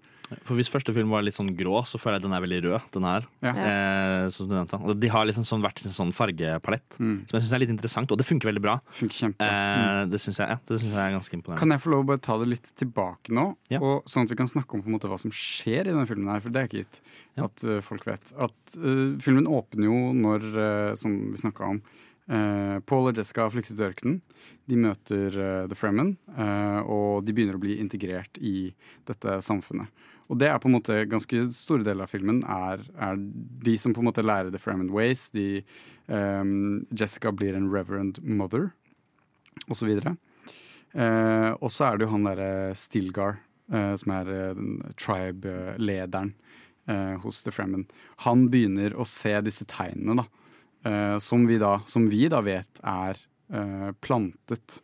Altså disse, disse mm, religiøse eh, tingene som har blitt plantet rundt Paul. Så han begynner jo å se da eh, Paul som denne Messias-figuren. Og mange andre begynner også å gjøre det. Mm. Ja, så det danner seg en sånn veldig sånn sterk religion rundt Paul. Ja. Eh, og mye av den filmen her, den vektlegger det religiøse temaet mye større grad enn det egentlig boka gjør. I hvert fall ut fra det jeg husker. Um, og det er på en måte Det er en vending jeg likte veldig godt. Uh, det er veldig, den stiller veldig mange sånn utfordrende spørsmål om religion og makt. Og Moral. Og, moral Ja. og, fordi Paul vil jo først ikke omfavne det ryktet. Han sier jo det her er jo bare tull. Jeg vet at det her bare er tull. Eh, og imens han har alle disse andre klanene, eller menneskene rundt seg, som pusher han til å utnytte troen til The Fremen for å oppnå denne politiske makten. Så det er jo på en måte en sånn, og det er jo også en sånn kommentar på hvordan i virkelig verden tro eller, og religion blir brukt for å oppnå makt. Så det er, liksom sånn, det er mye ganske sånn bold statements i den filmen her. Eh, og, og også veldig mye sånn interessant å diskutere rundt det. da. Absolutt. Det, det liker jeg veldig godt med filmen. Det, det er noe den gjør uh, veldig bra. Og jeg liker veldig godt at det er, liksom sånn, det er veldig mye motstand fra alle forskjellige parter. Så, sånn, det er veldig mye sånn medgang når det kommer til religion. Det er veldig mye motstand. Uh, så det er liksom sånn, det er et veldig in, uh, interessant plot point i denne filmen. Eh, i, videre i sendingen eh, så skal vi eh, Vi beveger oss definitivt inn i spoilerterritoriet nå. Hvis du ikke har sett Dune 2, eh, det, så er dette som vi kommer til nå, eh, ikke lurt å høre på. Eh, for vi kommer til å gå veldig i detaljer om slutten, og i hvert fall hvordan den er ganske annerledes. Eller kanskje vil sa helt motsatt av hvordan den tidligere har blitt tolket av f.eks. David Lynch. I den lille studentradioen Radio Nova var det to prinsesser. det var jævlig. Og den tapre ridderen. Ai, ai. De to prinsessene kranglet over ridderen. Men eh, prinsen hadde en mørk hemmelighet. Jeg liker bare hesten min. eh, nå, nå er det tid til tolv hver torsdag. Ja, nå, nå er det tid til tolv hver torsdag, og vi begynner å nærme oss eh, sistnevnte klokkeslett, nemlig tolv. Vi er altså nærme slutten av denne sendingen. I første Dune, Dune part 1, Michelle, så var det musikken du trakk fram som eh, kanskje noe av det beste. I Dune 2, hva er en av tingene du kanskje føler eh, denne filmen gjør eksepsjonelt bra? Eller kanskje bare OK? Ja. um, jeg skal repetere meg selv. Helt fantastisk eh, soundtrack. Er det- jeg, jeg er- elsker det. Og kvinnelig koring all day, any day. Mm. Helt fantastisk. Um, Har du en favoritt-track? Nei, eh, mest fordi jeg ikke kan navnet. Eller sånn. Husk, jeg husker egentlig Fordi det er det sånn, Jeg syns det bare blir en sånn helhet. Alt komprimeres Ja, i ett. At jeg bare sitter i en sånn For meg så var det én eneste lang låt, liksom. Så for meg er det ikke et punkt hvor det liksom hitter noe different, liksom. Mm. Eh, og som du nevnte, Jakob, eh, bare så vidt eh, på slutten der. Jeg, jeg liker skikkelig, skikkelig, skikkelig godt denne komposisjonen av religion. Troen på noen versus troen på deg selv. Ikke sant? Jeg liker veldig godt denne clashen da også innad i eh, frimennene, da hvordan eh, din yngre generasjon på en måte ikke tror på Lisan al-Gaib da, eller Messiah, liksom, um, men tror på seg selv, vil at uh, The Fremen er de som skal frigjøre Arrakis, liksom. Fordi Mm. selvfølgelig, det er jo det, de er jo urbefolkningen der, versus da uh, The People from the South, liksom, som er veldig religiøse. Og det er Eh, også en ting som ikke er med i boka. Eh, og det føler jeg liksom sånn der, eh, Hvis du skal lage Dune i 2024, så Mm. Du må er modernisere den litt. Ja. Ja. Uh, så det syns jeg var en veldig sånn fin, moderne tolkning. Jeg syns det var et skikkelig fint grep, ja, rett og det var slett. det. Uh, også i boka så er jo hun uh, Cheney veldig sånn Chani, Chani, Chani, Hvem faen vet. Lydboka sier Cheney. Cheney, gjør det det? Ja, det gjør Ja. det. Eh, der er jo hun veldig sånn Hun, hun er en, um, en kvinne skrevet i 60-tallet. Ja. Veldig sånn støtter Pål og er veldig sånn med på alt. Ikke, stiller ikke noe spørsmål. Hun er medgangssupporter, på en måte. Altså, hun er veldig bak han hele tiden. Veldig, Ja. veldig. Ja. Jeg kan si eh, noe jeg eh, liker eh, veldig godt i denne filmen, er på en måte kanskje akkurat det du snakker om. Jeg liker denne eh, eh, kampen i Paul om liksom sånn det etisk riktige, mens den sånn, også kjemper mot den der rollen han har liksom blitt sånn tvunget til å spille, som en Messiah. Uh, og jeg liker veldig godt at det er veldig åpen for tolkning om han er en Messiah eller ikke. Er han en profet? Er han en falsk profet? Uh, har det noe å si i det hele tatt om, om han er det eller ikke? Så lenge han på en måte blir det, eller tar den rollen. Mm. Uh, jeg liker det veldig veldig godt. Jeg syns det var lurt å gjøre Chani, som er en karakter som står han veldig nær, til en på en måte en som tviler litt på Mm. denne rollen Det er en sånn spenning mellom dem. Ja, i det er en sånn spenning mellom dem som jeg, jeg kjøper ganske godt.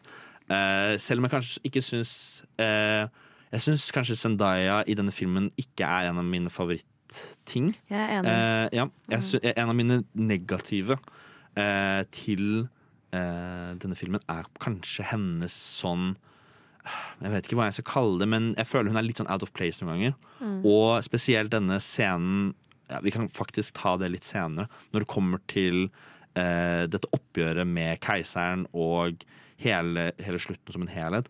Da føler jeg hun var litt lite overbevisende. Og da Mm. føler jeg kanskje at Mm. det her er første gang jeg tenkte dette burde bli gjort på en annen måte. Men tilbake til det positive. Jakob, du har sikkert utrolig mye positivt å si Jeg har om denne så filmen. mye positivt å si om denne filmen. Velg ut noe Um, spesifikt, da. Jeg har igjen skalaen på den filmen her. Hvor sykt episk det er. Uh, hvor um, Altså actionsekvensene i den filmen her Utrolig bra. ordentlig bra. Mm. Uh, det er noe med hvordan Denis Villeneuve regisserer action, action, action, action? Action? Som er veldig sånn oversiktlig og bare sånn skikkelig sånn derre ryddig. Og, og bare sånn lett å se på. Eh, Du har jo spesielt to scener med hvor de uh, Fremen går til angrep på sånn eh, krydderhøstere, spice harvesters. Store maskiner. Store Mm. maskiner. Hvor det på en måte er, det er skikkelig sånn godt konstruert, hvor, hvor de eh, gjemmer seg bak på en måte et sånt bein, og så skal de prøve å sikte på et sånt helikopter som skyter på dem. Og så sier Paul OK, nå skal jeg løpe der, og så begynner han å skyte på meg, og da kan du skyte. Og så, åp og så begynner han å løpe, og så Det åpner er en seg. veldig Det er tydelig veldig sånn- plattform. Ikke sant? Ja. Man skjønner veldig godt hva som skjer, og hvorfor det skjer. Mm, Absolutt. Det helt enig. Eh, også i de, den klimaktiske avslutningen hvor Som er bare sånn et, et shot som har bare bora seg sånn skikkelig inn i hodet mitt. Hvor eh, de rir sandormene inn i eh, den eh, eh, hovedstaden. Mm. Eh, det er ekstremt storslagent og episk. Eh, Og ja, det er nok på en måte noe av det jeg liker best. Ja, jeg føler en ting de gjorde veldig bra i denne filmen, er å gjøre liksom sånn uh, uh, Virkelig portrettere ormene som liksom sånn des, den megakraften de er. på en måte Mm. At det er virkelig de som på en måte styrer planeten. Mm. Og det likte jeg veldig veldig godt. Uh, jeg synes syns det var veldig kult. En ting til jeg må snakke om, er eh, scenen hvor, hvor Paul lærer å ri på den sandormen. Det her Ja. er jo i Fremen-tradisjonen en slags sånn der rituale Det er liksom konfirmasjon. Ja, ganske heavy konfirmasjon. ja, der rir du på sandormen for første gang. Eh, så det er jo en sånn test han må gjennom. Eh, og jeg elsker den scenen, hvordan den er komponert. At det er det, er- det er liksom en, en kamp. Mm. Når han først kommer seg oppå den, så er det sikkert sånn gode to minutter før han får kontroll. Det er veldig mange sånne eh, shots av nærbilder av han hvor han får sand i trynet og prøver å holde seg fast i denne ormen. Og så når han endelig i dag liksom klarer å uh, sette de krokene ned i den og reiser seg opp, og så kommer den musikken. Uh, og så ser du den her reaksjonen til uh, gjengen hans. Det er noe sånn skikkelig sånn powerful med, med akkurat den scenen. Det er en skikkelig god scene. Eh, da kan vi eh, kanskje bevege oss videre helt til siste oppgjør, eh, hvor eh, byen er tatt tilbake av The Fremens og Paul, eller Moabdib, eller en Paul av de andre Usul 17 000 navnene han har, på forskjellig språk. Eh, som er overraskende lite irriterende, faktisk. Jeg ville Ja, trodd at det skulle være verre. At han hadde så mye rare navn. Eh, han konfronterer da, han liksom tar alle til fange. Han, han har full kontroll over eh, eh, Over da eh, keiser og The Harkons. Her er vel baronen død allerede? Det husker jeg. Husker Han, han, jeg faktisk ikke. dreper, han dreper baronen. Mm. Paul dreper baronen. Ja, han, han, ja han, det er når han først tar over eh, eh, Holdt på å si hovedrommet. Ke Ja, Keiserens ja. slott blir jo helt feil å si, men Mm. ja, det er lett å si det på den måten. Så dreper han baronen selv. Um, og eh, så kommer han liksom sånn med forslaget sitt, da. Og det er at eh, han konfronterer keiseren og sier eh, Jeg eh, Han har åpenbart en, sånn, en, en, en overhånd her med tanke på at keiseren har gjort en krigsforbrytelse eh, med å sende eh, hjelp til Harkonnens for å ta over eh, eh, Arrakis igjen. Eh, så sier da Paul liksom sånn Jeg tar datteren din, og så blir jeg keiser. Mm. Og det er sånn din bloodline får lov til å fortsette å være en del av hersk her herredømmet over denne eh, Mm. Og eh, så kommer da eh, Han må da ha en, en eller annen form for duell for å liksom sånn eh, virkelig gjøre dette. Og da er det da baronens nevø, denne som baronen er så forelsket i, som eh, trer frem for å liksom være hans champion. da for keiseren. Mm. Og så er det den eh, slåssscenen. Hva syns vi om liksom sånn Hvor ender vi opp her? Er vi fornøyd med hvor vi er? er det, hva tenker vi? Er, Jeg vet ikke. Altså, det er jo på en måte min største kritikk med uh, denne filmen her, og sikkert det som kommer til å være den store kritikken opp igjennom, er at jeg mangler litt motiv, Uh, litt motivasjon fra folk til hvorfor de gjør ting. Akkurat her så syns jeg for så vidt at det er en noenlunde grei motivasjon. Sånn jeg syns eh, karakteren til Austin Butler, altså denne nevøen til baronen, Faud Rotta, eller hva faen han heter. Ratha, ja. Ja, Rotta. Rotta, holdt jeg på å si. Rotta. Som jeg Kunne godt hete det. Sånn, eh, jeg skjønner jo på en måte til en viss grad motivasjonen hans, men samtidig så bare fremstår det for meg som en karakter som er veldig flat. Eh, bare sånn, ah, Han er psykopat, ha-ha, han elsker smerte. Sånn, hva, OK, greit, Ja. liksom. Hva får han ut av det her i det hele tatt? Det er kanskje litt sånn Harkonnens er generelt. Mm. Ja, kanskje det. Men jeg føler jeg er litt enig med deg der. jeg bare syns det blir litt lite Ja. nyansert. Eh, på en måte sånn, Hvis man først skal gjøre det, så gjør det litt mer ordentlig. Hvis du uansett skal bruke tre timer på det her. Eh, I don't know. Han satt ikke helt riktig med meg heller. Men eh, hva tenker du om uh, crescendoen her? Om duellen? Ja, om ja, liksom, ja spesi Altså, kanskje spesifikt duellen. den troneromscenen er jo på en måte siste kapittel i boka. Det er liksom den episke konklusjonen. Eh, intens. Intens, Veldig intens. Eh, det som er tatt mye ut av boka, er liksom den politi politiske praten som foregår. Jeg savner kanskje bitte litt mer av det. Eh, for jeg syns kanskje ikke at duellen er så liksom sånn Det er mange som sier sånn og dette er en av de kuleste fightsene noensinne. Jeg, jeg er ikke helt der. Eh, det er på en måte litt sånn Den, den må med. Mm. Eh, jeg skulle gjerne sett mer av liksom den ja, det politiske spillet som tar sted. Da. Mm. Eh, fordi Paul truer jo med å utslette um, eh, eh, The Spice Fields. Mm. Noe som ville stoppe uh, Spice Production. Ja. Eh, noe som ville hatt ekstremt fatale kon konsekvenser for, uh, for galaksen. Eh, og, og det er veldig mye der som skjer i boka som kanskje er uh, Som er tatt bort.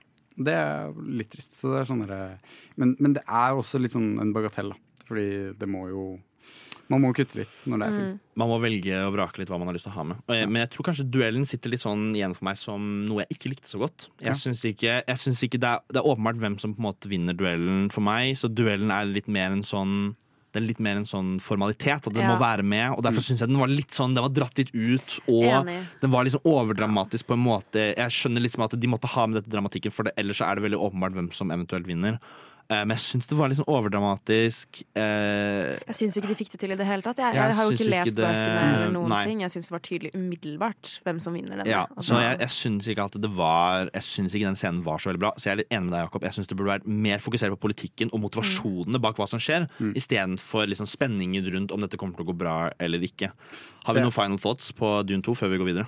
Final thoughts jævlig bra. To tomler opp. To tomler opp. Definitivt to tomler opp. Og, Episk. og for meg så er den derre klagen om den duellen i slutten litt sånn der eh, en bagatell. Fordi jeg syns alt annet er så bra.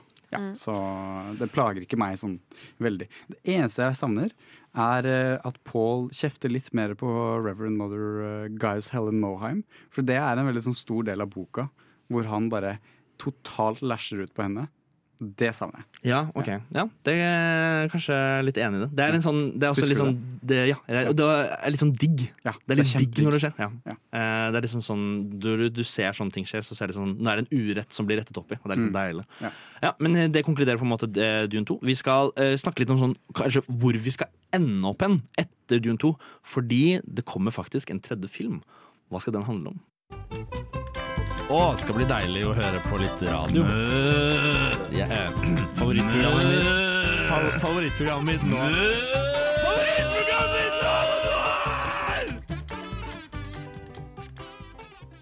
Ja, vi nærmer jo oss eh, veiens ende, og dessverre så har vi mistet et medlem til Sanddynene. Eh, også kjent som Toalettet. Eh, så Johannes han har forlatt oss. Nå er det bare meg og Jakob. Eh, Bare og bare. Bare og bare. Egentlig like greit. Like greit. Tenker jeg. Johannes har jo ingenting å komme med uansett. på en måte. Eh, vi skal snakke litt om uh, hva vi forventer oss at kommer videre. Da. Som Johannes så vidt nevnte, så blir det jo uh, en tredje film. Um, Mest sannsynlig. Mest sannsynlig. Får håpe på det. Uh, hva, hva, du, du, jeg føler du kanskje har mest koll på hva som på en måte kan skje videre. Men, men å- derfor, derfor har jeg lyst til å spørre deg. Okay. Hva tror du skjer? Mm, Fordi jeg vet jo hva som skjer. Ja.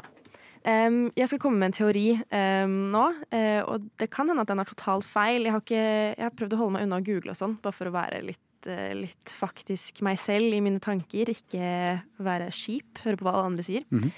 um, men vi får jo et frampek i eneren på at de er på Caladan, eh, som er hjemplaneten til House of Trades. Em, der folk driver chanter og bla, bla, bla, bla. Det er den derre um, The Holy War som man ser. Ikke sant? Som kommer til å Eh, komme. Og den, den begynner jo i slutten av Dune Part 2. Mm. Det er jo uh, Atreides-huset, og The Fremen går jo til krig mot Ja. The Lance, Lancerad. Ikke sant? Mm.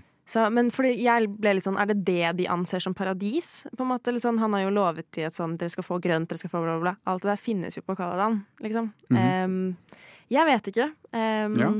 Nei, fordi Fremen sin, sitt hovedmål eh, er jo at, å gjøre Arrakis grønt. Det Mm. nevner de i et lite sånn eh, side En sånn liten bisetning i, i part én. Mm. Men det er på en måte hovedmålet. De Ja. vil gjøre Arrakis grønt. Eh, men det er jo på en måte The Holy War er jo en slags sånn derre De reiser seg opp fra undertrykkelse Mm. ut i universet osv. Uh, Ja. ja. Men er det det det er? Er det det du tolker som The Holy War? For jeg tolker det liksom litt mer som eh, jeg, Bare det helt enkle i det, at det bare er religion som står på spill. På en måte Mer enn at de reiser seg opp mot noen, men at um, en skikkelse kommer og tar over og skaper denne spliden uh, på en annen måte enn den har vært før. Skjønner du hva jeg mener med det? Nja, ikke helt. Jeg, jeg, jeg ser i hvert fall på det som at de de, de går til krig i frelseren deres navn. Mm. Uh, og reiser seg opp fra undertrykkelse, og nå, skal, nå er det liksom The Fremens tid for, Ja. å, for å regjere, da. Ikke sant? Men uh, ja, bok to. Uh, Dune Mm. Messiah, han, han driver jo og, og skriver manuset på den. Um, hva, hva, tror du, hva, du, hva tror du skjer? Åh, det Det blir vanskelig for meg å spekulere på det sånn egentlig. Um, for for meg så kan hva som helst skje. Jeg har jo ikke samme forutsetninger som eh, dere to har hatt eh, i forkant og under eh, disse filmene. Mm. Jeg er litt bare along for the ride, eh, hvis du skjønner det. Liksom ah, Jeg vet ikke helt. Nei. Altså, jeg er helt blank på det. Da tenker jeg at jeg kan gi deg en liten sånn lynpitch okay. i hva Mm. premisset til Dune Messiah er. Okay. Uh, dette er veldig morsomt. Dette er første siden av boka, så det er ikke en, jeg vil ikke anse det som en spoiler. Mm. Eh, Tolv år etter hendelsene i, denne, i bok én. Eh, Paul har vært keiser i tolv år. Eh, krigen har pågått i tolv år. 61 milliarder mennesker er døde. Så Ja. Paul blir okay. jo Space Hitler, som alle, mange kaller han. Ja. Det er også en veldig klassisk scene i boka eh, som jeg ikke tror de kommer til å ha med i filmen. For det er Mm. veldig on the nose. hvor de går gjennom gamle arkiver. Mm. Eh, og, så, og så sier de Oi, det er en gammel keiser her som heter Hitler. Oi, ja, hvor mange drepte han da? Eh, to millioner folk? Ah, ingenting. Det er ingenting. så det er liksom derre ja, Ja. det, Mm. Dune Messiah er jo skrevet mm, ofte som Eller det skrevet med hensikt om å være en kritikk mot de som oppfattet Paul Atreides som en helt. Mm. Fordi Paul Atreides er ikke en helt. Eh, og det er jo det som er så morsomt med David Lynch, Dune. At, Ja. For der er han jo helten. 100 Eh, Jeg syns jo man begynner å merke tendensene eh, mot det mot slutten av toeren. Ja. At, eh, for det er det jeg også mente i stad, med sånn motiv, motivasjonsmessig. Em, så begynner jeg å synes at Paul gjør noen rare valg. Mm. Um, og det er jo veldig vanlig. Uh, ref Game of Thrones, som vi snakket om på sånn kjempetidlig i sendingen. Mm. uh, hvor Deneris Targaryen plutselig bare begynner å gå helt berserk, liksom. Mm. Uh, selv om hun egentlig alltid har vært helten. Det som er veldig tilfredsstillende med Dune, er at uh, For jeg er litt sånn der forumtroll på Dune. Mm. At jeg leser veldig mye teorier og, og ting folk har skrevet om det. Som regel, hvis du har et spørsmål om Dune, hvorfor gjorde han det her, så er det noen som har et skikkelig tydelig svar. Ja. Og jeg kunne svart deg Mm. Hvorfor Paul gjør som han gjør. Ja. Det tror jeg ikke jeg har tid til i dag. Nei, men eh, Det er for så vidt helt sant, men det er også derfor kritikken min står som den står. Ja. For sånn, Jeg burde ikke måtte gjøre det. Nei, eh, det er sånn nettopp det. Men det er, jeg godtar uansett pris. det er jo, det er jo altså Dune-boka er jo en ekstremt tettpakka bok. Mm. Eh, det jeg syns Denis Villeneuve gjør best i den adaptasjonen, her, er at han drar ut essensen, som jeg da, som jeg da sa. At, eh, Mm. at eh, det er fortsatt det her eh, Ja. tematikken rundt religion og makt og politikk og alt det her som, som skinner godt gjennom. Men når det er sagt, så er det jo ikke alle de sci-fi-elementene som eh, man vil ha kontroll på eh, etter et, Mm. e- et syn av filmen. Ja. Eh, du The Water of Life, liksom. Ja. Eh, har du så Jeg vet ikke om du kunne sagt så mye om det ennå. Nei. Nei, bare litt sånn eh, veldig kort før vi eh, snart skal ta farvel. Eh, hva tror du vi kan forvente eh, i en eventuell treer? Uten å gå inn på sånn altfor mange detaljer. Jeg sånn- håper jo at eh, Jeg håper at den blir laget. Eh, jeg vet ikke om den er offisielt greenlit ennå.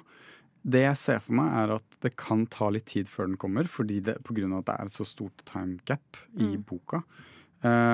Og også at um, Så det kan godt være at Denis har lyst til å lage litt andre filmer før han lager Dune Messiah. Ja. Men om vi får Dune Messiah, så jeg, tror jeg det hadde vært helt sykt kult. Mm. Ja, Får vi håpe på det. det får vi håpe. på.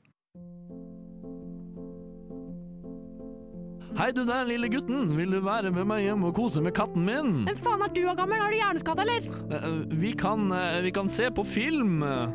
Jeg gidder ikke det, ass. Ja, jeg har eh, cola med sukker i. Ja, jeg får hull i tenna. Ja, jeg har Prime Energy Drink med lime. Nei, den røde er det beste. Uh, vi kan høre på Nova Noir. Åh, OK, da. Nova Noir 10 til 12 hver Hver torsdag.